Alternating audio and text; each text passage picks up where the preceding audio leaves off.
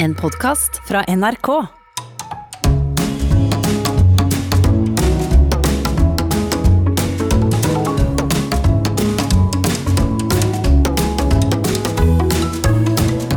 Hjertelig velkommen til Sånn er du her på NRK P2. I dag skal vi, Nils Ja.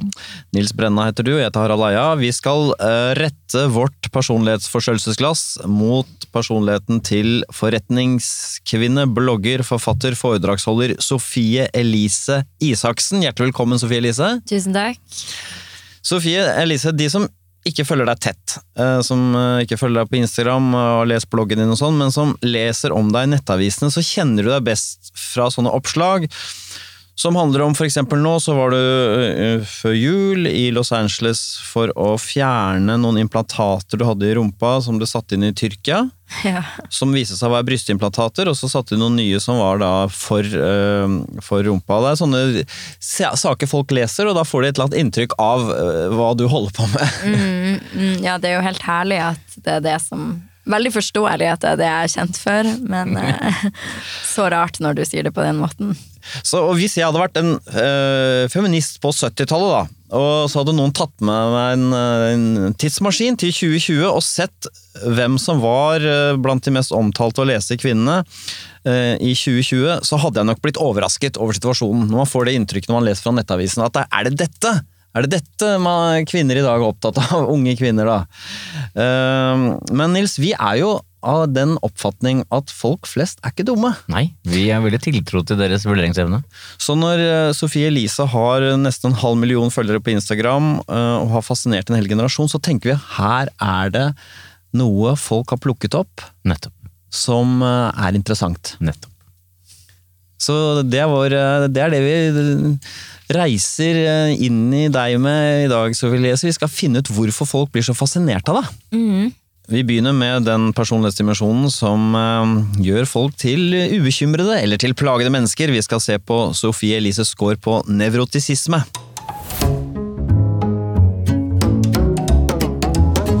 Nevrotisisme handler jo om negative følelser, og hvor mye disse negative følelsene preger deg. Og Vi begynner da med den tristeste blomsten i nevrotisismebuketten, Nils. Ja, den som heter depresjon, men som ikke er den kliniske utgaven av det, men sånn tendensen til å kjenne på depressive følelser, altså gå ned i kjelleren om man vil, da. Um, jeg tror jeg scorer kanskje ikke toppscore, men over middels. Ja, du kunne faktisk ha sløyfet første del av setningen, for du har fått toppscore. Oh ja, okay. Ja. På tallet 80, bare for å minne om det, da, så er det jo øh, 50 er snitt. øh, 60 er tydelig, 70 er innenfor 1 øh, just og 80 er det, det er dit det går. Ja, nei, jeg synes det var høyere enn jeg hadde trodd. Ja, Uh, mest fordi at man håper jo at man ikke er den type person. En veldig negativ, trist, uh, ja, dyrke depresjon-person. Det vil jeg jo ikke Nei, være. kanskje du bare har depresjon uten å dyrke den?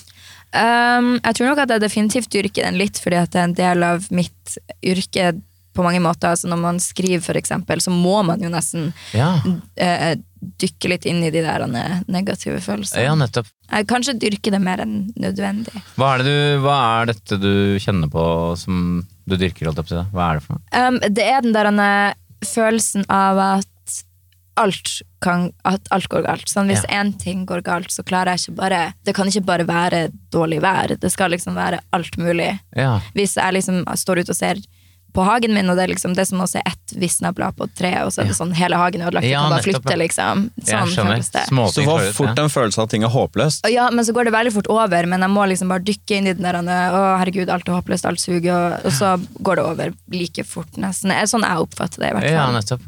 Kan du kjenne på sånn ensomhet? Ja, eh, men før så var det litt mer eh, et negativt lada ord for meg. Nå har jeg på en måte vært inne i en sånn fase der jeg liksom har akseptert litt min egen ensomhet på Ja, et vis. ja. Og jeg syns at det er litt greit. Ja. Men du er i et forhold, ikke sant? Jeg har eh, kjæreste, ja. Ikke sant? Og er det sånn, kan man også føle seg ensom i et forhold? Ja, absolutt, men jeg gjør ikke det i det forholdet jeg er i nå. Mm. Fordi at vi er veldig flinke til å snakke om ting. Ok, Så når du kjenner på dette, så hva, gjør, hva skjer da? Um, han har jo lært seg hvordan jeg funker, og hva mine triggere er. Hva, hva, er det, hva kan triggere være, for eksempel? um, for eksempel at Jeg tror jeg er veldig redd for å bli forlatt sånn i et forhold, og hvis jeg er lei meg over noen ting, og jeg ikke får den der bekreftelsen på det er ok at du er lei deg, jeg kommer ikke til å gå ifra deg for at du er Ja, lei deg, men hvis han istedenfor blir irritert, Ja. så blir det liksom bare helt kaos, for da blir jeg redd i Ja, for da tenker du at da, nå kan jeg i hvert fall bli forlatt. Når Ja. det ikke blir, ja. Mm, jeg er veldig sånn ja, separasjonsangst nesten i, i forhold. Da. Jeg skjønner. Det må være forferdelig den der onde sirkelen der, at uh, man først er lei seg for et eller annet, og så uh, reagerer den andre med irritasjon. Det kan alle kjenne på. Åh, hva er det den ikke gidder å ikke sutre og henge med nebbet nå? Ja. Og så forsterker det sånn altså Man blir enda mer sånn needy og klamrete, og da blir man jo ytterligere lei. Ja, det er helt forferdelig, og så føler man mens man snakker at åh, nå er jeg en person som man blir mer lei av, men jeg klarer bare ikke å slutte, jeg klarer ikke å holde kjeft, jeg klarer ikke å snappe ut av det her. Nei. Og måten å få deg til å snappe ut av det, er å bare vise forståelse, og så slipper det taket, er det det? Ja, du trenger ikke engang å forstå, men Nei. bare liksom nærkontakt, gi meg et stryk på skuldra, si Ja. sånn, jeg er her, det går bra. Ikke sant? Eh, Men som er selvfølgelig enklere sagt enn gjort, for man er jo et helvete å være med Hvordan, hvor, hvor ille i er du da? Nei, altså, altså Jeg kan være veldig sånn Det begynner jo alltid med den klassiske at han spør går det bra, og sier jeg ja. En sånn, altså, går det åpenbart ikke bra, og så blir det mer og mer, og så eksploderer det. da. Ja. Men en sånn ting som er veldig sånn en standard eksempel på det, som jeg egentlig ikke har skjønt før i det siste, da, som er et gjentagende mønster i mitt forhold og i alle mine relasjoner, er at um, La oss si det du sa, da, eh, med at det var mye snakk om meg i media i desember pga. rumpeimplantat, og så var det mye igjen i media i februar pga. lignende ting. Um, og hvis jeg da er lei meg over det, eller stressa over det, og noen i min nærhet blir lei seg over det og stressa over det, så tar jeg det som at de skammer seg over meg. De på en måte skammer seg over at det stormer rundt meg i media. Det er slitsomt Ja. å være nært meg. Så jeg liksom har ikke klart å akseptere at folk får lov å bli emosjonelt påvirka av ting som skjer med meg, fordi de bryr seg. Jeg Jeg tar det alltid som at oi, jeg er ikke verdt å ha noen Nettopp. relasjon til. Ikke sant? La oss se på en, en annen litt interessant uh, nevrotisisme-underdimensjon er impulsivitet. Og det handler da ikke om at man er impulsiv og er eh, Spontan og sånn, det er det ikke. Nei. Men om man eh, gir etter for sine drifter og lyster, og kanskje angrer etterpå at man eh, mm, føler at man 'jeg må ha det nå', når man blir fristet av et eller annet. Her tror jeg definitivt at jeg scorer høyt. Det gjør du. Ja, Du har fått det høye tallet 75, så det er innenfor 1% ja. For, Fortell. Um, nei, jeg kjenner meg veldig igjen i det du sier, at hvis det er noe jeg skal ha, så skal jeg ha det nå. Uh, Og hva er det, for eksempel? Nei, men for eksempel da at um, jeg hadde lyst på en ny bil, så ville jeg ha den Porsche Taycan, den heter? Den elbilen til Porsche. Jeg vet faktisk Jeg veit ikke, jeg heller. Um, Men det heter sikkert det. jeg vet heller ikke. Uh, men så var jeg sånn, ok, den vil jeg ha. Og så var det sånn, det er så og så lang venteliste, to år. Så var jeg sånn, ok, da vil jeg ikke ha den likevel. Jeg måtte få den i morgen. Uh, så, så det kan være på det der veldig mm, overfladiske planet, men det er også sånn at hvis jeg vil få noe til å skje med jobb, så hvis jeg sender en mail til noen, så klarer jeg ikke bare å vente på at de svarer. Da skal jeg også sende til 50 andre, og så vil jeg liksom ha Ja, for du venter på et eller annet? Du det vil må ha en- være på gang, og det må skje Ja. med en gang. Og jeg skjønner Ja. ikke hvorfor folk bruker så lang tid på å svare. Og jeg skjønner ikke, altså jeg er veldig sånn Ja. Men hva slags bil kjøpte du stedet for, da? Uh, Ingen. Så det blir veldig sånn Ah, alt eller ja, ingenting. nei, nettopp. Kan være det samme, da. Men har du shoppa mye sånn kjapt? Nei, fordi at jeg er ikke så veldig glad i å shoppe. Nei. Eh, Så jeg er ikke sånn som bare går på butikk, og det har faktisk aldri skjedd. At Nei. jeg har gått på butikk og bare kjøpt masse greier. Nei, okay. Men jeg tror nok at eh, det der med at det må skje, og det må skje nå, er mer på sånn den her jobben må skje nå, jeg må få svar på dette nå. Ja, sånn, ja. Ja. Og så Jeg jobber jo med pappa, og han er veldig sånn du må ta tak i det her nå. Du må gi meg beskjed nå. Og han er sånn ja, men vi må vente, vi må se hva folk sier, du må ha litt is i magen. Så. Men is i magen, det har jeg ikke. Nei, skjønner. Men, sånn der, men fristende ting, da? Øh, Det kan være drikke, det kan være mat, det kan være godteri, potetgull. Um, der er jeg faktisk veldig god. Ja, det er det. Um, jeg er veldig god til å begrense meg sjøl. Jeg har Ja, okay. aldri vært en sånn som bare drikker masse eller Nei. Tar masse dop. Eller jeg har liksom aldri Nei, vært en sånn person. nei. Men, Men hva eh, med sånn hvis det kommer crazy forslag sånn Vi bare drar til Budapest ja, nå. da er jeg med. Jeg er med. Hvis jeg ikke har jobb, så er jeg med. Jeg tror jeg har vært på et par ferier i mitt liv der jeg tenkte sånn, hvorfor er jeg her? Sånn, det her har bare blitt avtalt sånn random. Og så havner jeg der med en sånn gjeng jeg ikke kjenner, liksom. Er det sant? Ja, det har skjedd et par ganger. Ja, fordi den følelsen du har i det når noen foreslår sånn, hva er, hva er liksom det første du tenker da? Ja, men jeg tenker ingenting annet. Jeg tenker jeg er med. Men jeg tror jeg tenker sekundet etter jeg har sagt ja, så er jeg sånn faen. Men så bare blir jeg med Ja, ok. uansett. Og da har du havna på litt rare ting eller? Mm, og sånn som faktisk i dag også et sånt eksempel Jeg har tenkt til å dra på ferie liksom, for første gang i mitt liv i sommer og bare dra skikkelig på ferie, sånn ikke ha liksom, sosiale medier eller sånn der. Um, også, men det blir sikkert å skje, jeg blir sikkert til å ha sosiale medier. Men tanken er god, i hvert fall. Og da var jeg sånn, så spurte jeg ok, pappa, skal vi dra på ferie sammen, for vi har på en måte ikke vært på ferie. Og så sa han ja, kanskje. Og når han sa kanskje, så sa jeg sånn så sendte jeg melding til fem venninner og var sånn, vil dere være med istedenfor? Og så blir sikkert alle å si ja, og så blir det en sånn rar situasjon. Ja, da blir det. Men er ikke det hyggelige hyggelig? Pappa og venninner? ja, for jeg klarer ikke bare å vente på at pappa sitt kanskje skal bli litt ja. Jeg må ha bekreftelse Nettopp. fra mange andre. Det må skje. Det må skje, ja. Og så er jeg redd for at hvis de bruker to dager på svar, så blir det ikke skje i det hele tatt. Så ja, to høye score på nevrotisisme så langt, eh, Sofie Elise. Men Nils, du sitter jo på hele fasiten her. Jeg gjør det. Du har da i sum eh, fått eh, et veldig høyt tall på nevrotisisme. 80. Ja. Som jo det er flere vi har hatt som har vært i området der. Det er Kristoffer Schau, Thomas Elser, Kristoffer Joner, Bjarte Tjøstheim. Du har da høy score på alle underområdene, det vil si engstelse. Det bekymrer deg litt her og der. Mm. Eh, depresjon, som vi har snakka om. Impulsivitet, som jeg snakka om. Uh, sårbarhet, det vil si at du kan stresse deg opp litt, eller? hva? ja, det vil jeg si at jeg kan. Har du Men dårlig tid og sånn, så jeg har dårlig tid alltid, og da blir jeg stressa. mister du hodet nesten, eller? Nei, altså det er liksom både og, for jeg er veldig sånn Jeg er liksom reiselederen på en måte. Sånn at Ja. Hvis man er på tur og noen ting skjer, så er jeg alltid den som holder hodet kaldt og fikser det. Ja, ok.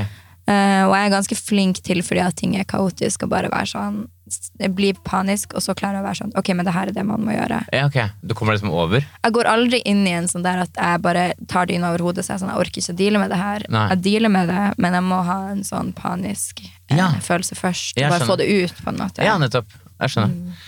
Ja, og så har du også ganske høy score på fiendtlighet. Det vil si at du har en litt sånn agg og grums og litt irritabilitet slash temperament slash frustrasjon.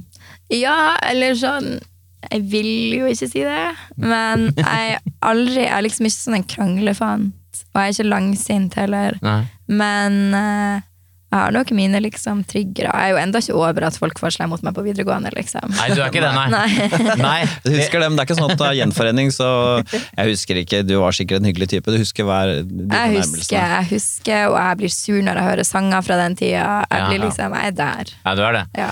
Langsint, sånn sett. Sånn sett langsint, men eh, ja. Hva Kanskje var, det jeg er langsint. Jeg, vet hva var det folk sa til deg på videregående som var så sårende? Mm, jeg tror det bare var den der den jevne følelsen av at du aldri var helt velkommen eller god nok, egentlig. Og Ja. at uh, siden jeg begynte å få en karriere da, da jeg gikk på videregående, at det var liksom ingen som ga meg noe særlig Nei. for det. Det ble heller bare sett ned på og snakka stygt om Ja. og snakka stygt til meg, da. Jeg skjønner. De, til deg òg? Ja, til deg også. Ja, ja, til meg også er du gal. Hvis det bare hadde vært sånn rundt omkring, så hadde det egentlig vært enklere, men når du har fått sånn konkret Hva sier du, Hva sa de? Nei, det var jo bare litt sånn for at jeg hadde begynt å gå på TV og så videre. Så det var jo sitering av ting jeg hadde sagt på TV på en Ja, vanlig sånn. måte. Eller ja, vi skal se på deg i dag, håper du ikke gjør noe dumt. Liksom, oh, ja. sånn, på sånn veldig nedlatende tone, da. Jeg skjønner. Eh, Av mange ting, så det var mye sånn. Lærerne også, eller?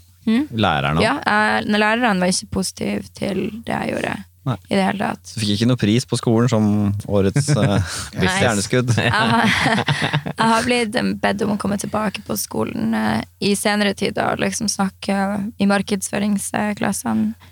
Eh, Da har jeg sagt nei, men jeg ville ha gjort det nå. Ja, du ville? Ja. Men sa du nei i en slags bitterhet? Ja, fordi at akkurat den konkrete læreren som spurte meg, ga meg to i markeds, på en markedsføringsoppgave fordi jeg hadde skrevet om influencer marketing. Og så er det jo det jeg lever av, og levde av da, så jeg visste jo hva jeg snakka om. Men hun visste det bare ikke, så derfor fikk jeg to. det er ganske gøy. Ja. Ja, det er gøy. Sketsjete, nesten. Ja. Ja, så derfor komme tilbake og snakke om det. Ja. Men nå hadde jeg gjort det. Nå er jeg over det. Akkurat den delen. Ja, du, har- det er den samme læreren fortsatt? Ja, men jeg hadde gjort det nå. Ja, ok. Vi skal se på Sofie Elises score på trekket ekstroversjon. Ekstroversjon det handler ikke bare om hvor utadvendt det er, men også hvor mye energi man får fra den ytre verden. Altså, det handler om hvor mye liksom, kraft og bevegelse det er i det. Vi begynner med den øh, kanskje den søteste og fineste delen av ekstroversjon, og det er ekstrovert varme. Hvor mye energi man investerer i å pleie nære relasjoner gjennom vennlighet og hensyn. Skårer man lavt, så er man ikke så interessert i å skape og opprettholde nære og personlige relasjoner. Skårer man eh, høyt, så går man tett inn, man er kjærlig, vennskapelig, knytter seg lett til andre. Hva tenker du, er du en sånn ekstrovert, varm person, Sofie Elise? Nei, det tror jeg ikke. Jeg håper jo jeg er midt på, men jeg tror jeg nok er mer mot den dårlige sida av den. også. Lave siden. Den Ja. lave siden. Ja, den lave siden. Det er ikke dårlig side. Nei. Ok, lave siden. Harald er jo selv på den, veldig tydelig på den lave siden. Ok, den lave sida tror jeg kanskje at jeg er på. Ja, du er på den lave sida. Ja, Du har jo fått et veldig lavt eh, tall her, da. ja, 20. ja. Nei, men eh, da må vi prøve å forstå da, hva dette handler om. Er du, er du på en eller annen måte litt reservert? reservert? Jeg tror nok at jeg skulle ønske definitivt at jeg var mer på den høye sida av denne skålen Ja. her. Jeg misunner litt folk som er bare sånn varme og imøtekommende. Jeg er veldig mye inni mitt eget hode da. Ja, jeg tror at Når du er mye inni ditt eget hode, så er det jo litt vanskelig å ha den der instant connection med folk, Ja. fordi man er litt fjern, på en måte. Ja, nettopp. Det er godt sagt. Um, og det er jo noe jeg jobber med, å bli mer til stede i de møtene jeg har. Og... Ja, nettopp. Det er interessant, fordi Anders Danielsen Lie, lege og skuespiller, var her, og han, han Vi kom fram til at han er jo en emosjonell type, men samtidig Og var og sånn, men samtidig fjern.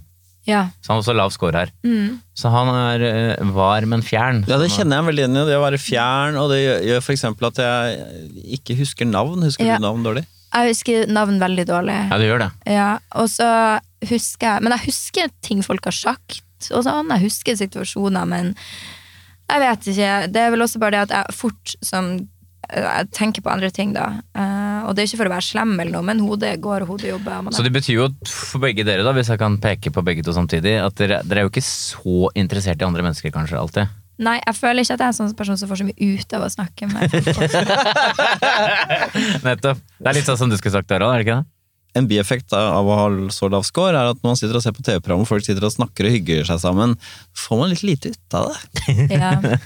Mm, men så tror jeg Altså, jeg tror at man i seg sjøl har jo litt ansvar også for å skape gode samtaler. Da. Og når man er fjern, så får man jo gjerne ikke de gode samtalene med folk. Man, Men jeg har lyst til å stille et spørsmål, et kritisk spørsmål til deg, Sofie Elise, men også til meg, for så vidt. For jeg har også tenkt på at jeg har så et rikt indre liv at jeg ikke er helt til stede. Men det finnes da mennesker som er varme, sånn som Linn Skåber, som også har et rikt indre liv, hvor det foregår mye inni, men kanskje ikke akkurat når de møter andre mennesker, da.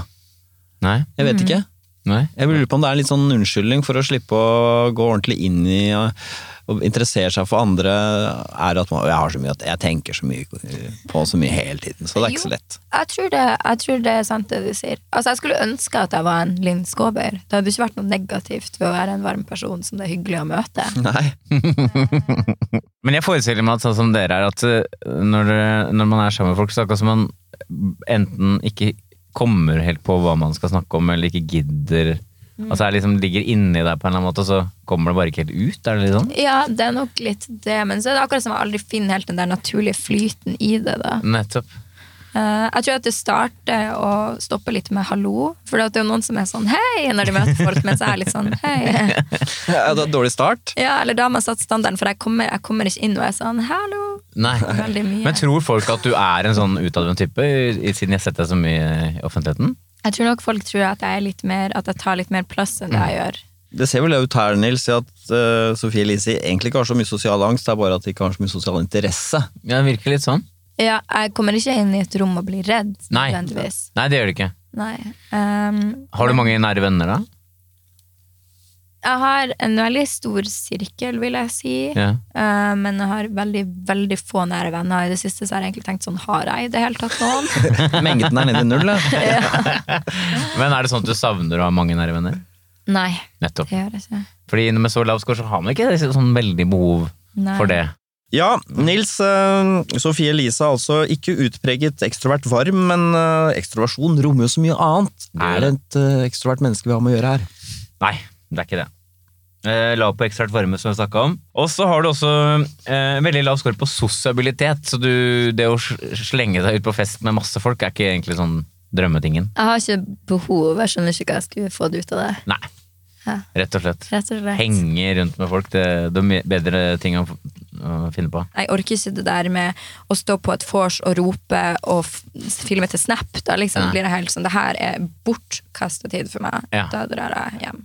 Jeg skjønner. Mm. Ja. Hva når du er på sånn Vixen Influencer Awards og sånn? eh, Er det, mingler du etterpå da? Nei, Jeg drar rett hjem. Så har ikke det behovet, rett og slett. Jeg har, jeg har ikke fear of missing out. Sånn, når jeg har vært på sånn type Gullruten, og sånn, der alle er sånn Og man må dra på nach på Gullruten, for da er man liksom på nach på et hotellrom med mange kjendiser, og gud vet hva som kan skje. Jeg går rett og legger meg, selv om jeg vet at det er nach på rommet ved siden av. Ja, du gjør det. Jeg har ingen behov for å være der. Nei, nettopp. Og som en slags eh, apropos, da. eh, Gullruten. Eh, Noen, hvis man har masse positive følelser, så blir man kjempeglad for det minste ting. F.eks. å vinne priser. Du har lav score på positive følelser. Betyr at du ikke egentlig blir så kjempeglad. Gud, jeg føler meg så kjip når jeg går gjennom den her. Um, nei, altså uh, Positive følelser. Jeg blir veldig glad når jeg får høre et sånt kompliment fra noen som jeg føler er genuint. Ja. Men å vinne en pris i en sånn setting, det, um, det er jo bare whatever, på en måte. Så ja. Så er det egentlig Men hvis du nå fikk vite at du aldri fikk den med priser, ville det vært dumt, eller? Nei, det hadde gått fint. Det hadde det. Ja. Så, det er ikke, så den, den gleden som noen har på sånn- den, den har du rett og slett ikke? Ja, men det er jo jeg kommer for det første aldri til å få vite Du kommer aldri mer til å vinne en pris i hele ditt liv. For man vet jo aldri Nei, hva som skjer, så det nei, er nei. fint å ha det lille håp om at ok, kanskje en dag vinner jeg Gullruten eller noe sånt. Ja. Men uh, det, er ikke, det er ikke det jeg lever for. Nei. Å få den anerkjennelsen. Nei. Jeg kan bare si at uh, du har eh, to gjennomsnittsscorer på ekstroversjon. Det ene er spenningssøking. Ja. ja, det er vel fordi jeg liker å ta berg-og-dal-bane og Ja, sånn. ikke sant? Ja. Og så selvmarkering. Så det betyr at du, du holder jo Du kan jo holde skravla litt gående når du først møter opp, da, egentlig. ja, jeg sitter jo her og prater litt. Ja, for det er jo litt trykk i det. Ja, altså, jeg kan godt Jeg tror at jeg ofte tar litt det der ansvaret. Sånn, om Ja. jeg merker at man sitter rundt et bord og ingen snakker, så er jeg gjerne den som Nettopp. tar det sosiale ansvaret. Nettopp. Jeg vil ikke, men jeg gjør det om jeg må. ja, jeg skjønner. Ja. Og så bare nevne en ting til, siden du er såpass ung. da, du er jo I, en, i, snitt så er du fortsatt i de formative årene eh, når det gjelder personlighet. Ja. Så du er jo ikke helt ferdig utvokst, så det er jo ikke helt usannsynlig at nevrosenivået går ned for eksempel, med tid. Jeg tror det, jeg tror det har gått ned sånn egentlig i løpet av de siste årene. Jeg håper jeg går ned, fordi at de verste type menneskene jeg vet er sånn Å, herregud, jeg er så tenkende, så jeg er så følsom, og sånn. Jeg hater det. Så Ja, men da kommer du inn på neste trekk, egentlig. Vi skal se hvordan du ligger an på åpenhet for erfaringer. Åpenhet for erfaringer, det er jo nettopp Er man åpen for følelser? Er man åpen for eh, tanker? Eh, eller, som det, eller er man da et menneske preget av kreativitet og forestillingsevne? Og vi begynner med det, altså din score på fantasi. Hvordan tenker du på deg selv? Er du et eh, menneske som har utpreget fantasi? Mm, altså, litt både og. Jeg vil tro at jeg kanskje er midt på, fordi at jeg har en fantasi, men den går aldri utover sånn realistiske ting, på en måte. Nei, men det kan allikevel spinne av gårde på realistiske ting. Ja, jeg kan tenke, jeg kan dagdrømme mye om ting jeg håper skjer i mitt liv. Eller, Hva da, for eksempel? Nei, altså jeg visualiserer, jeg er veldig på å visualisere, så det er jo dagdrømming da. På hva mm. jeg tenker, hva håper jeg skjer når jeg skriver ut denne boka. For eksempel, hvordan blir det når bokfesten er, hvordan blir det en cover å være, hvordan blir det å føles når jeg får en... Men ta oss gjennom, da. Du, du, du begynner å tenke. Ja. Hva kan du tenke deg, for eksempel? For eksempel hvis jeg skulle tenkt på boka, så ser jeg tydelig for meg at det er liksom et rom med sånn langbord, og at redaktøren min holder en tale, og at Jonas Forsang er der, og at Petter Stordalen er der, for det er mitt forlag. Og at jeg bare ser for meg liksom en setting, og så kan jeg spinne litt videre på det. Du har fått ganske høy score, 64. Det er tydelig høyt, altså. Jeg er interessert i de gangene du forestiller deg ting som åpenbart er litt For det må jo være du, du er ikke sånn at du forestiller deg Jeg kommer inn en dør, og så sier noen hei, og så setter jeg meg ned på en stol. Altså, Det er noe mer enn det. Det er noe mer fargerikt og uh... um, ja, for eksempel Jeg ser jo for meg sånn som for eksempel Ok, når uh, Kylie Jenner sin eks Nå er jeg veldig inne i min liksom, subkultur her. Ja, men folk kan Men, google eh, mens de hører på. Når, si det en til, Kai. ja, når Kylie Jenner sin eks, som heter Tyga, han er en rapper, sendte meg en, person, en DM på Instagram, så tenkte jeg med en gang ok, jeg drar til LA, og så kan jeg være med i hans bil, så ser sånn ut, og så blir det tatt bilde av, og da kommer denne forsida i VG, og da Ja. kan jeg bare holde kjeft, men så tenker man at hun er den norske Kylie Jenner, og hun tok det ikke bare for langt, hun tok det sånn altfor langt. Så jeg liksom ser for meg at det der, sånn er min fantasi. Så jeg, jeg ender jo må aldri svare han, selvfølgelig. Nei, du er raskt ute med å se ti sekunder, så har du jo det scenarioet for deg. Ja. Ja, og da, men det er jo også igjen et realistisk scenario. Sånn, Mm. hvis jeg hadde svart da hadde det vært sånn ok, jeg kommer til eller Jeg tror at jeg også, selv om jeg er nevrotisk, så eh, liksom har jeg litt sånn fetisj for å tenke på sånn Der kan jeg fantasere! Jeg Ja. dagdrømmer om jævlige ting sånn sett. Ja, du gjør det. Jeg er veldig fascinert av sånn 11. september, for eksempel. Jeg kan tenke meg hvordan Edvard Altså, det er jo grusomt, men Hvordan da? Kan du tenke at Nei, sånn, hvordan var det å være i de flyene som krasja Ja. inn tvillingtårene? Og Ja. hardt visualisere hvordan jeg tenkte at det var. Hva er, hardt, hva er det helt konkret og hardt? Nei, jeg ser for meg at man er liksom i flyet, og hvordan det føles når de kaprer det, og Mm. hvordan man får panikk om man snakker med sidemannen. Ser du også for deg hva du sier til sidemannen? Uh, jeg hadde vært sånn Kan jeg holde deg i handa? Ja. I panikk, ikke sånn for å være snill, Ja. men for min egen del. Du hadde ikke konvertert til kristendom i siste liten rett før det smasha inn i bygget? Nei, men jeg tror at det jeg hadde tenkt hadde vært sånn Jeg har så lyst til å ta opp telefonen og liksom ringe noen. Men så det hadde vært min største panikk, tror jeg. At jeg ikke hadde fått kommunisert. Nei. For jeg ser for meg at jeg hadde vært i det flyet uten å kjenne noen. En annen underdimensjon under åpenhet for erfaringer er åpenhet for verdier. Skårer man lavt på åpenhet for verdier, så aksepterer man autoriteter, man eh, setter pris på tradisjoner, man er litt konservativ. Sånn skal det være. Dette er riktig, dette er galt. ikke sant? Litt sånn svart-hvitt, egentlig. Skårer man høyt på åpenhet, så er man mer åpen eh, for at noen mener dette, noen mener noe annet. Eh, Hva som er riktig og galt, er ikke så godt å si. Folk får leve litt sånn som de vil. Ja, her syns jeg det er utrolig vanskelig å gjette på hva jeg sjøl er, fordi jeg har veldig mye respekt for autoriteter, men samtidig føler jeg at jeg er ganske åpen. Jeg er ikke så veldig prinsippfast Nei. når det kommer til meg sjøl. Det, det er det siste her som har slått inn uh, i betydelig grad. Mm. Uh, du har fått tallet 77, så du er superhøy her. At jeg er åpen. Ja, du er åpen for verdier. Du er Ja. tolerant, da. Tolerant og liberal. Lite dømmende overfor hvordan andre velger å leve sine liv. Og det er veldig sant. Jeg er veldig lite dømmende sånn for hvordan andre velger å leve sine liv. Og jeg vet ikke om jeg alltid har vært det, men jeg tror det er fordi jeg blir dømt så mye sjøl. Ja, okay. At du nesten blir nødt til å skjønne at alle er komplekse mennesker med sine grunner til å føle og tenke som de gjør. Så jeg har ganske høy takhøyde på at folk mener andre ting enn meg. Ja. Og for eksempel eh, hvis du hører at eh, Det som ofte, de som scorer lavt her, eh, der det ofte kommer fram, er jo når folk lever på andre måter. For eksempel folk fra andre kulturer. At eh, la oss si folk familier som kommer fra et annet land, hvor de mener at kvinnene skal være hjemme og passe på barna. Er det sånn du tenker sånn, er det får være greit hvis de mener det, eller tenker du huff a meg, det syns jeg er en dum ting?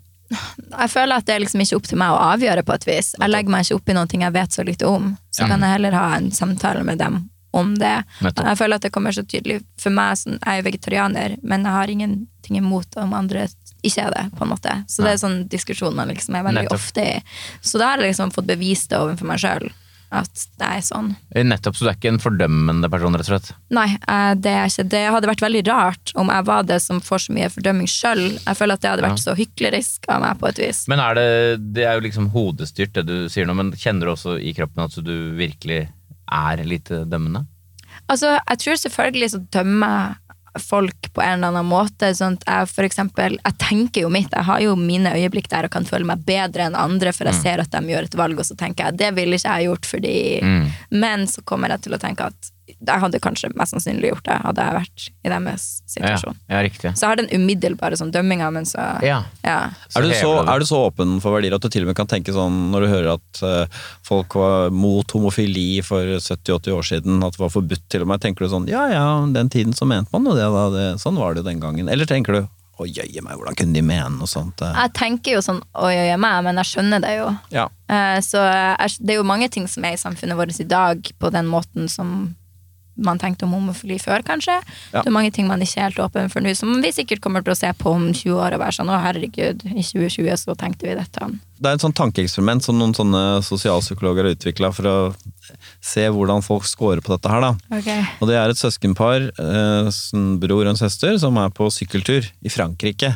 Og så overnatter de på en låve, og så tenker de ja, skal vi kanskje prøve å ha sex? Og så Han uh, bruker kondom, hun går på p-pillen, så det er ikke noen sjanse for graviditet. De er søsken, eller? Ja, de er søsken, Ja. er bror og søster. Og så ligger de sammen, det var greit, uh, men de bestemmer seg for ikke å gjøre det noe mer. Hva tenker du om det de gjorde? Altså, det er veldig vanskelig for meg å forstå, uh, fordi at Men hva er gut-feelingen din? Syns du det er ekkelt? Nei, jeg syns ikke det. Jeg syns at det er rart, men hadde jeg møtt dem og de hadde fortalt meg det, så hadde jeg vært sånn oi, shit, ja, det var cool. Eller sånn, jeg ville spurt, jeg ville ikke fordømt, liksom. Nei, nettopp. Nei, det er, det, det er jo ikke noe tvil om at det er et menneske med høy Ikke sant? Går på åpenhet for verdier her, da. Ikke sant? For de fleste mennesker er sånn der, æsj, og så blir de bedt om å begrunne det. Fordi du kan få vanskapte barn. Ja, men de hadde prevensjon. Ja, men uansett, det er psykisk skadelig. Ja, men det var ikke noe skadelig for det. Ja, men jeg liker det bare ikke! Skjønner du? Ja, og jeg tror at jeg kanskje før ville sagt det. Jo, nei, jeg liker det bare ikke. Men jeg vil ikke akseptere at jeg bare ikke liker noe. Jeg må heller være nysgjerrig på Akkurat der er jeg nysgjerrig på folk. Når folk gjør helt fucka ting, så blir jeg nysgjerrig Ja. på det. Ja. ja, Nils. Høy på åpenhet for verdier, høy på fantasi. Hvordan ligger vi an ellers her? I sum er du meget åpen. Yes, det var fint å høre. Da følte jeg at det var positivt. Ja. Ja. Eh, Du er da høy på fantasi, du er høy på verdier, som vi har snakka om. Du er tolerant og ikke dømmende. Og så er du høy på estetikk, det vil si at du liker kunst i ulike varianter, kort fortalt. Yes. Når du var sist på noe kulturelt? Når jeg svarte på disse spørsmålene for denne testen, så tok jeg faktisk ganske lavt på alt som hadde med kunst, kunst å gjøre, sånn maleri eller gå på galleri. Jeg liker ikke det, men jeg er veldig glad i musikk Ja. og bøker, og jeg kan sette veldig pris på det å få liksom frysninger og bli emosjonelt bevega av type en lyd i en sang. Oh, ja, Så jeg er veldig interessert i det. nettopp. Hva slags bøker er det du leser? Um, jeg leser mest sånne litt mørke, litt morsomme samfunnskritiske bøker. eh, av norske forfattere, gjerne. For eksempel. Um, for eksempel, altså min uh, store favorittforfatter er Erlend Loe, og det var Ja. han som gjorde at jeg ville skrive bok. Og da, ja, jeg, jeg likte liksom ikke sånn Harry Potter når jeg var liten, jeg elska Kurt-bøker. Ja. Og fortsatt gjør, jeg syns de er helt fantastisk. Men eh, jeg leste den Muleum-boka hans, Ja. og da skjønte jeg at sånn Ja, jeg vil skrive bok, og jeg vil at den skal være denne type bok. ja. Har, har du lest Dyrene i Afrika? Jeg elsker den, det er min favoritt. Gjør du det? Ja. Fordi den, apropos å være liberal og sånn, da. Ja. Nei, jeg elsker den. Ja. Jeg elsker Dyrene i Afrika. Hvorfor apropos liberal? Jo, fordi Nei, Dyrene i Afrika handler jo om en gruppe mm, single personer i midtlivskrise som drar til Afrika for å ligge med dyr. Eh, så jeg elsker den. Jeg leser den nå, jeg. Det er gøy! Jeg har også lest den, jeg har lest den for andre gang. Så, ja. Ja, ikke sant? Altså, det er min favoritt Erlend Loe-bok, eh, faktisk. Eh, Men også liker jeg veldig sånn eh, Marie Aabert, er som man uttaler henne? Aubert, er det? Aubert, ja, og Ida Hegassi Høyerød. Jeg liker sånn mørke, litt Ja. sånn. Eh, Og jeg leser ekstremt mye, og vi valgte å ikke ha TV hjemme, men ikke fordi at vi skulle være kule og ikke ha TV, men Ja. fordi at vi skulle få plass til Ja. bokhylla og bøkene. Har du lest Helga Flatland? Ja. Liker du det? Eh, altså, hun har ikke nok sånn humor for min Nei. del. Det må være litt sånn mørk, twisted humor. Hvis man klarer å skrive om typ, helt jævlige ting, og, men gjøre det på en måte som gjør at du både føler deg litt jævlig, men at det også er litt gøy når du leser det. Ja, så Erlend Loe stemmer jo da sånn sett på noen Han stemmer veldig bra, og det gjør meg sånn fascinert. Sånn, hvor kommer det her twista rare? Ja. Sånn, hvis, sånn som det eksempelet du sa med det søskenparet som har hatt sex. Ja. Så det liksom, uh, sånn, jeg blir liksom fryder meg litt sånn, Hvor kommer det fra, liksom?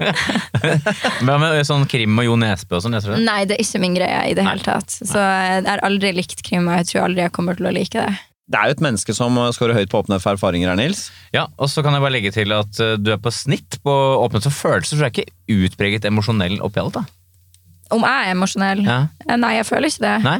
Det er akkurat det. Du har snittscore der. Der er det ikke en høy score. Nei, jeg føler ikke at jeg er så veldig emosjonell. Nei, det er helt riktig. Og så er du på snitt på åpenhet for handlinger, det vil si du er like mengder, liker du rutiner og variasjon, egentlig. Mm, ja. Og så er du på snitt på åpenhet for ideer, intellektuell nysgjerrighet. Ikke lav, ikke høy. Men denne høye scoren på fantasi og estetikk og verdier og sånn, det gjør jo at du tar den ut i svingene og at du er åpen for å skrive om alt det som er lurvete og rart i menneskelivet, da. Ja. Ja. Så det vil jeg tenke også Og det er jo en dybde, ikke sant? Høy åpenhet er jo en dybde. Mm. Det handler om dybde, så hvis noen tenker at du ikke har dybde, så tar de feil. Da skal jeg sende dem denne Ja, det kan du gjøre. Ja, Ja. så kan de krangle på den Det testen. skal eller? være mitt evige comeback.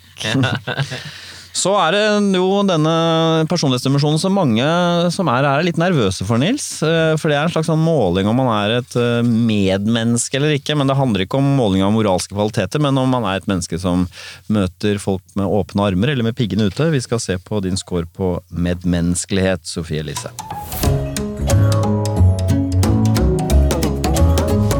Her er jeg sykt usikker, faktisk. Ja, skal vi se da. Du er jo eh, medmenneskelighet, handler da, eller medgjørlighet, som jeg er blitt veldig glad i, Nils.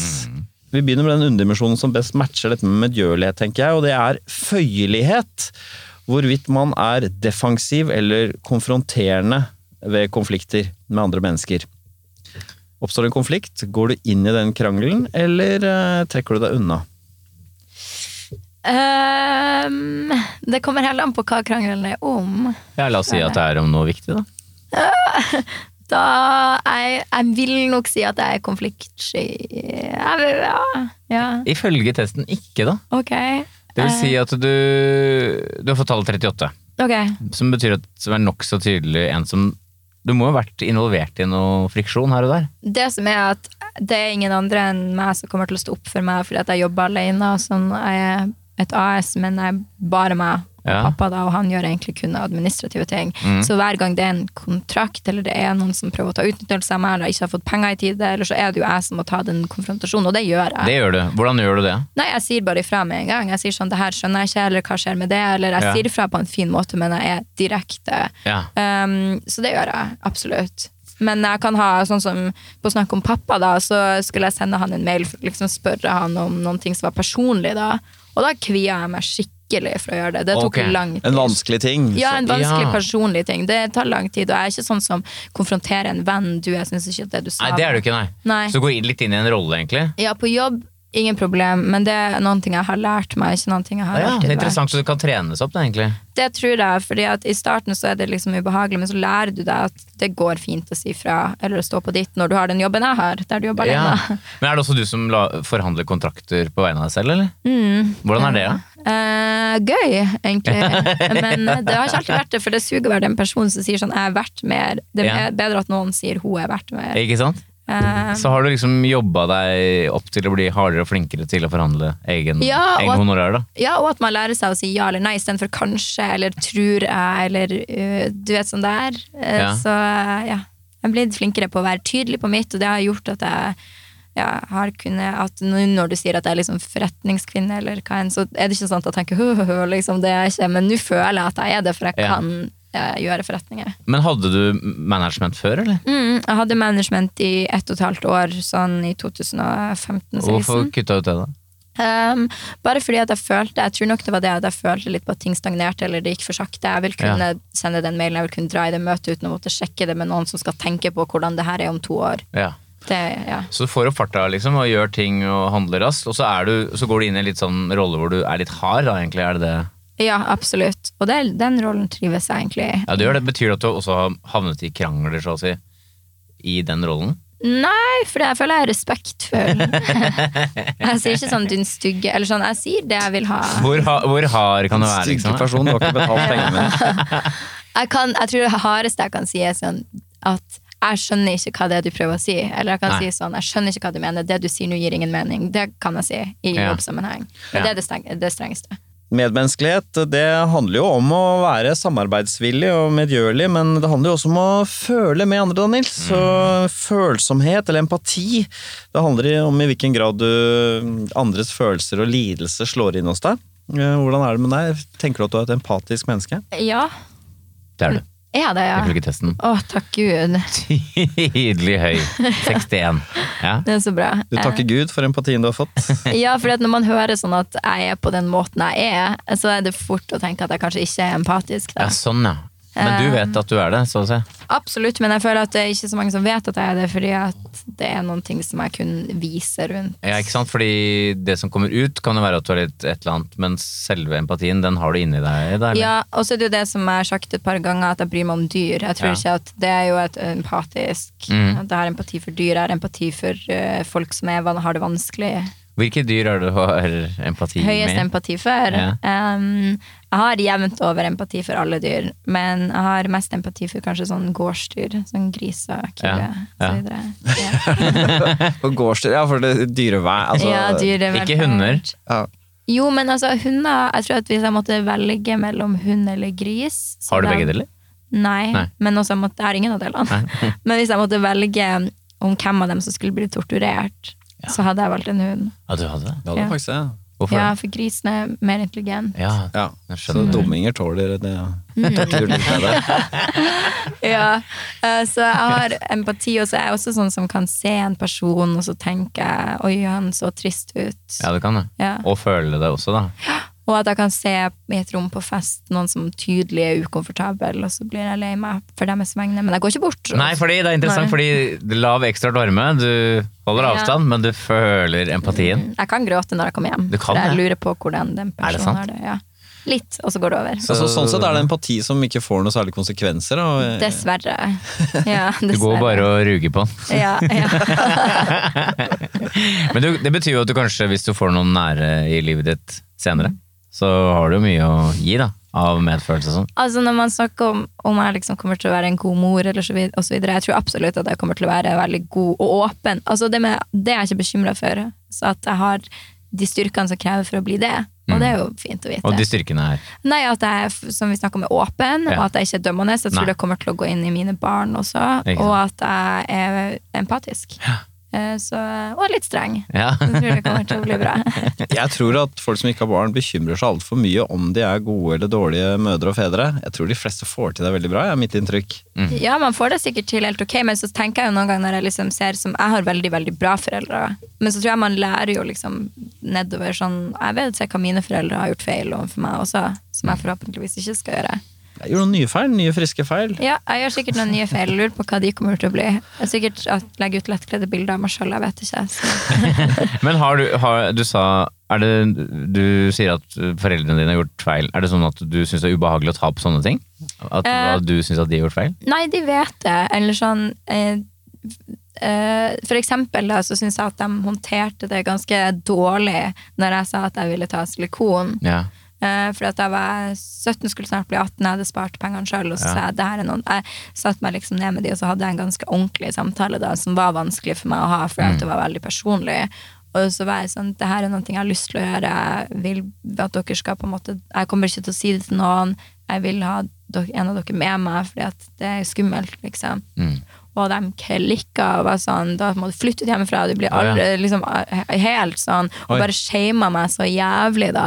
Og det har gjort at jeg i mange år hadde vanskelig for å åpne meg til nå ah, ja. om ting jeg det? følte som var liksom personlig. Okay, hvordan, hva, Og det har du tatt de, opp med moren og faren din Det har jeg gjort, ja. hva sier de nå, da? Nå, de forstår det. Og de, mye, de har blitt mye mer sånn at nå kan jeg si ting, og så kan de heller, hvis de er umiddelbart uenige, så bruker de heller to dager på å tenke på det, istedenfor å ha en reaksjon og snakke seg imellom. Mm. Ja. Og så kan de komme til meg og være sånn, vi har tenkt litt på det, istedenfor å bare ha en sånn Men tror de at de ville ha takla det annerledes nå, hvis det hadde skjedd? Det hadde de gjort, ja. Um, Hva hadde vært det riktige å gjøre? det riktige hadde vært, eller sånn som jeg i alle fall kommer til å håndtere en sånn situasjon med mine barn, hvis det skjer, er at jeg kommer til å være sånn Ok, eh, det på en måte forstår jeg, at du, eller du har lov til å føle på de tingene du føler, og takk for at du sier det. Eh, Men jeg vil at, vi skal, at du skal tenke litt lenger på det, eller kan Ja. vi gjøre disse og disse tingene, og se om du kanskje føler det på en annen måte. Og hvis ikke, så skal vi være Ja. der og støtte deg. Ja, nettopp.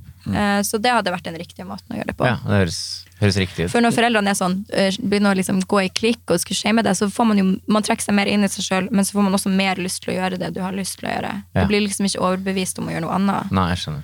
En ting jeg lurer på med den empatien, fordi eh, svakhet med empati for dyr eksempel, er jo at eh, den kanskje retter seg inn mot dyr man, eh, som er litt sånn søte eller smarte eller likende, men dyr som er stygge og rare og har spisse neser og i det hele tatt, er det sånn at du føler mindre med dem?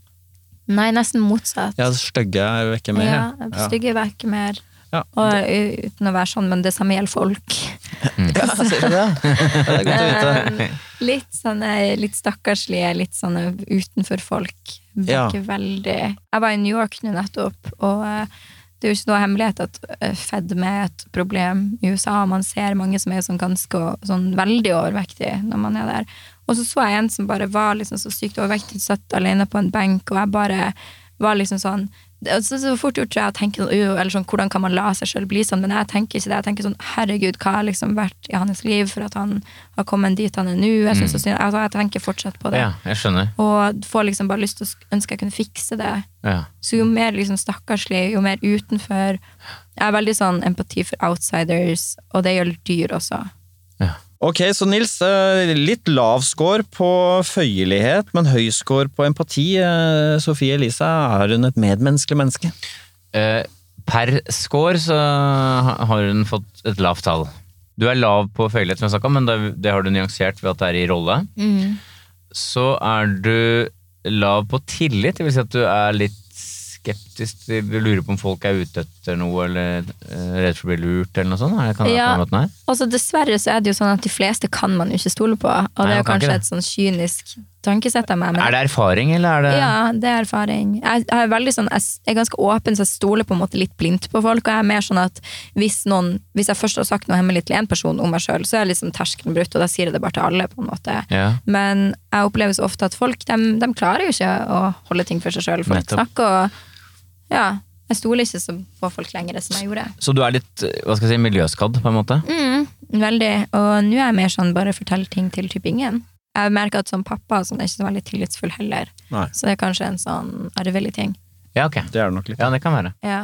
For å oppsummere denne og at denne gjør deg såpass interessant Jeg, eh, jeg tenker jo at den, den lave tilliten din, og at du på en måte er litt sånn Møter andre mennesker med en viss sånn skepsis, og akkurat som du er litt sånn Ja, verden har vært litt eh, fæl mot deg, og det er jo sånn det oppleves når du er ung også. Verden er litt sånn fiendtlig, egentlig. Eh, mulig jeg trekker dette litt langt her nå. Og... Nei, jeg syns det er interessant, ja. Fordi, hva tenker du selv? Har du blitt litt sånn påvirket av alt du har stått i? ja, det har jeg jo definitivt. Har du blitt det, hardere av det? mm, det tror jeg absolutt at jeg er blitt. Men du har nådd langt, og skal man nå langt, Nils, så må man score høyt på neste personlighetstrekk. Det er planmessighet.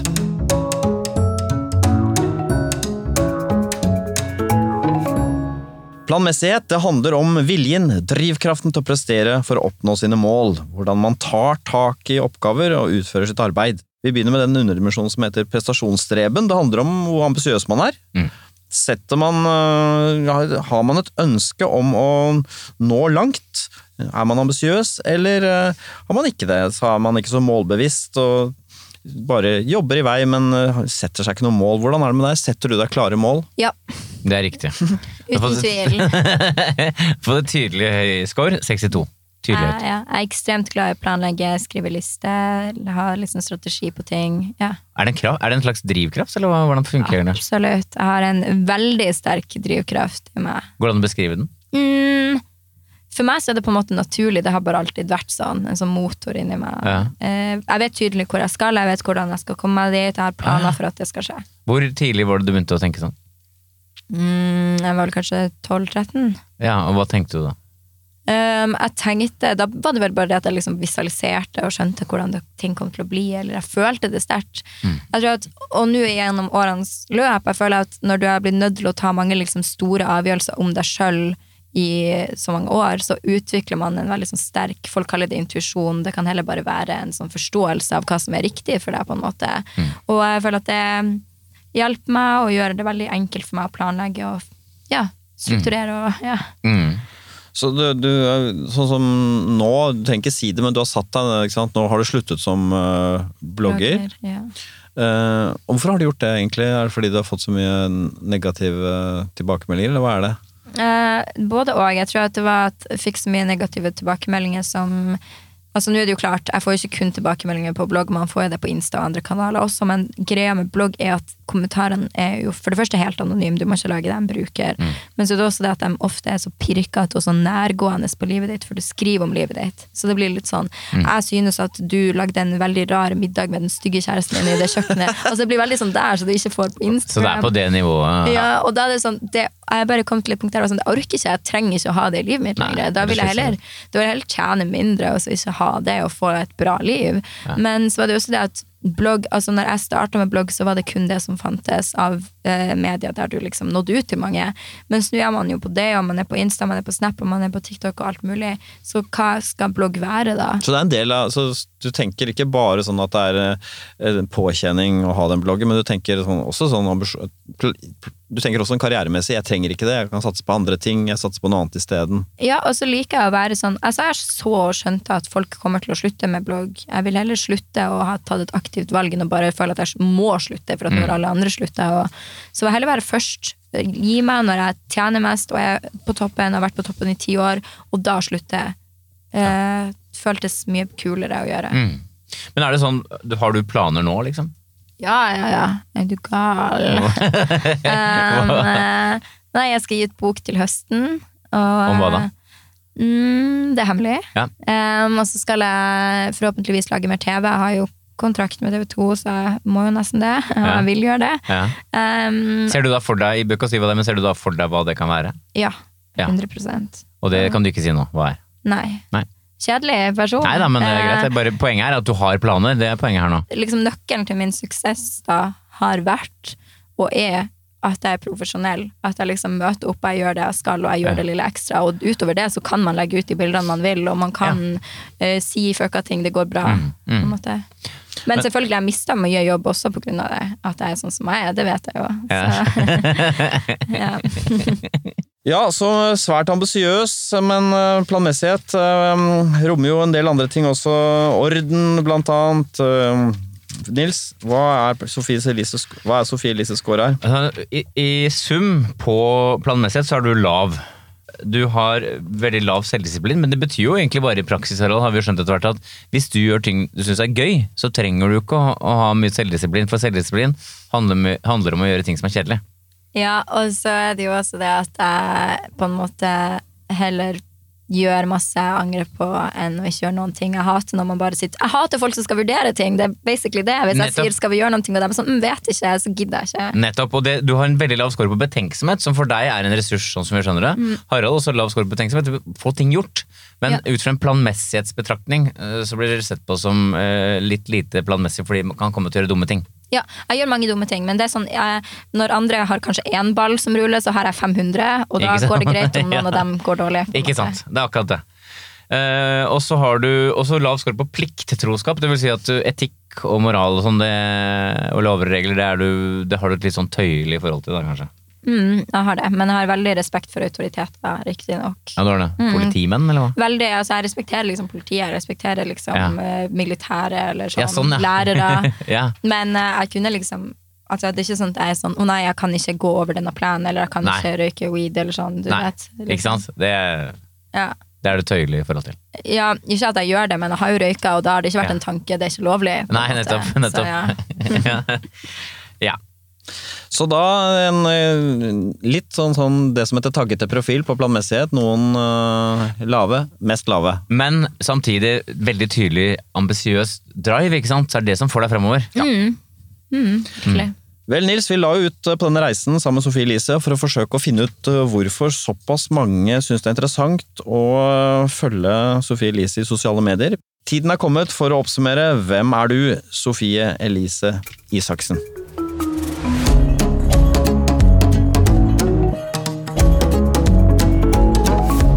Sofie Elise, du har da nesten en halv million følgere. Du har fascinert eh, særlig den unge generasjonen, men eh, mainstream media har også fulgt deg tett, med litt sånn ensidig dekning av noen sider av det du holder på med, selvfølgelig.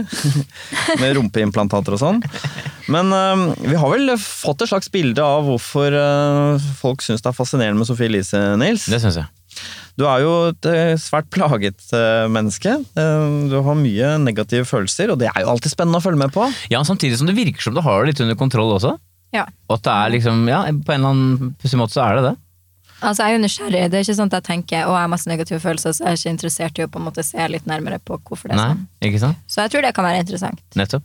Og så du, har du dette introverte, som er jo interessant også i den kontrasten til det at du holder så mye på med sånn utseende og, og kropp og den type ting, samtidig som du har så lite glede og, og er, på en måte Den gevinsten man skulle få av å være så flott som du er på disse bildene, den har Annet enn de inntektene du får selvfølgelig fra reklame og sånt, da. Ja. Den har du liksom ikke hanka inn. Så det er ikke sånn at du er sånn gæren festjente som uh, har tusen partnere og fester fra morgen til kveld og, Nei. og sånn. Nei.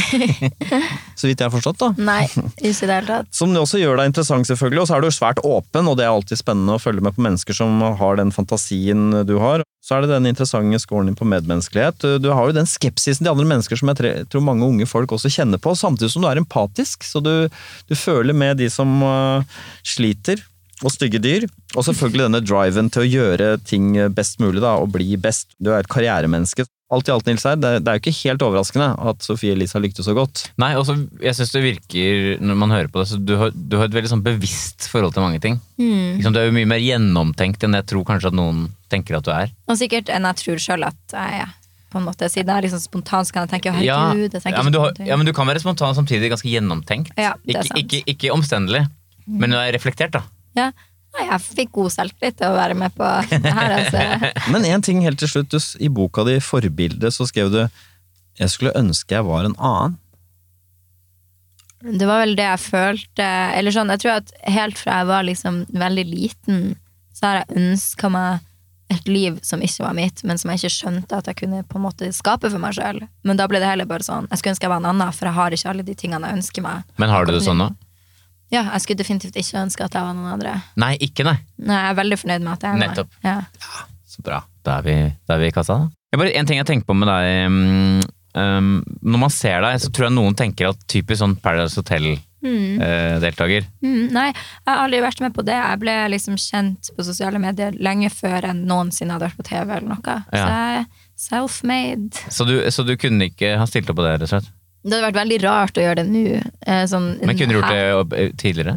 Um, jeg kan jo godt si nei, det hadde jeg ikke gjort. Ja. Men jeg kunne sikkert ha gjort. Jeg tror Ja. jeg sikkert hadde vært en interessant karakter å ha med der. Åpen som du er. Ja. Ja, jeg skjønner. Hva ville du ha sagt til uh, den feministen fra 70-tallet som reiste hit i dag og ble overrasket over at uh, et menneske som deg var såpass uh, berømt og Jeg tenkte det når du sa det i starten. Og hva heter hun der feministen fra 70-tallet? Hun der danske? heter hun? Susanne Brøgger? Hun har jeg vært på middag med, og hun elsker meg. Så jeg tror ikke Å. en feminist fra 70-tallet hadde tenkt det. Oh, ja, hun er dansk, da. Ja. Å, hun er jo dansk! hun. Men hun er jo meg. Hun er akkurat som Hun har jo levd det ville livet, ikke Ja, men hun har liksom den der, det utseendet eller sånn. Hun er sånn drøy, seksuell, Ja, på en ja. måte sexy, men Ja. ikke Ja. Eh, Og jeg føler at hvis man ser på de liksom største sånn feministene gjennom tiden som blir sett på som feministikon, så har de ikke vært så veldig annerledes enn meg. Det er det at man lever det livet du sjøl har lyst til å leve. Og, Mm. ja. Jeg tror ikke de hadde tenkt sånn. Da er du ikke en real feminist, spør du meg. Nei. Så ja. Ja, det var bra å bli rettesatt på det. det er bra. Da er vi i mål. Takk for at du kom hit, eh, Sofie Elise. Tusen takk for at jeg fikk komme. Takk.